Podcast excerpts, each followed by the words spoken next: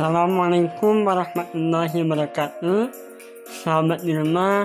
Bertemu lagi dengan saya Muhammad Iqbal Ramadan Mahasiswa Pendidikan Keluarga Negara Indonesia Fakultas Pendidikan Ilmu Pengetahuan Sosial Universitas Indonesia. Sahabat di rumah.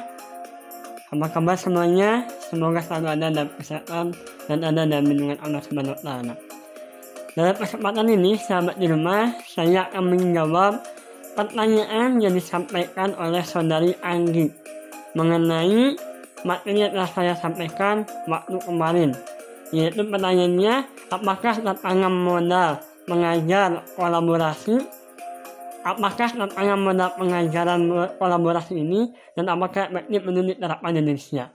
Nah dalam ini atau dalam bab ini dijelaskan bahwa tantangan yang paling terbesar adalah membangun sebuah komunikasi yang efektif. Sebab para kandidat telah menyebutkan atau para calon guru telah menyebutkan bahwa komunikasi yang efektif dalam kolaborasi profesional adalah pekerjaan yang kompleks yang membutuhkan perhatian yang konsisten ditambah dengan keterampilan dan teknik tertentu.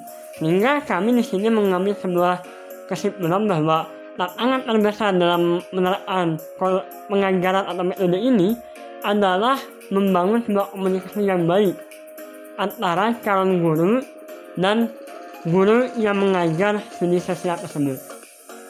Lalu ditanyakan juga apakah efektif untuk diterapkan di Indonesia, maka saya menjawab metode ini sangatlah efektif untuk diterapkan di Indonesia.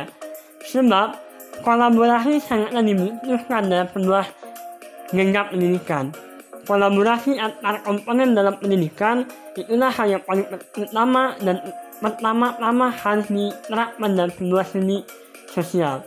Sebab kolaborasi antar guru itulah yang akan menentukan metode sosial apa yang akan diterapkan dalam seni sosial tersebut dan dalam proses pengajaran tersebut.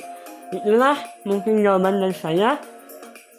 Semoga bermanfaat dan Semoga puas kepada saudari Anggi. Wassalamualaikum warahmatullahi wabarakatuh.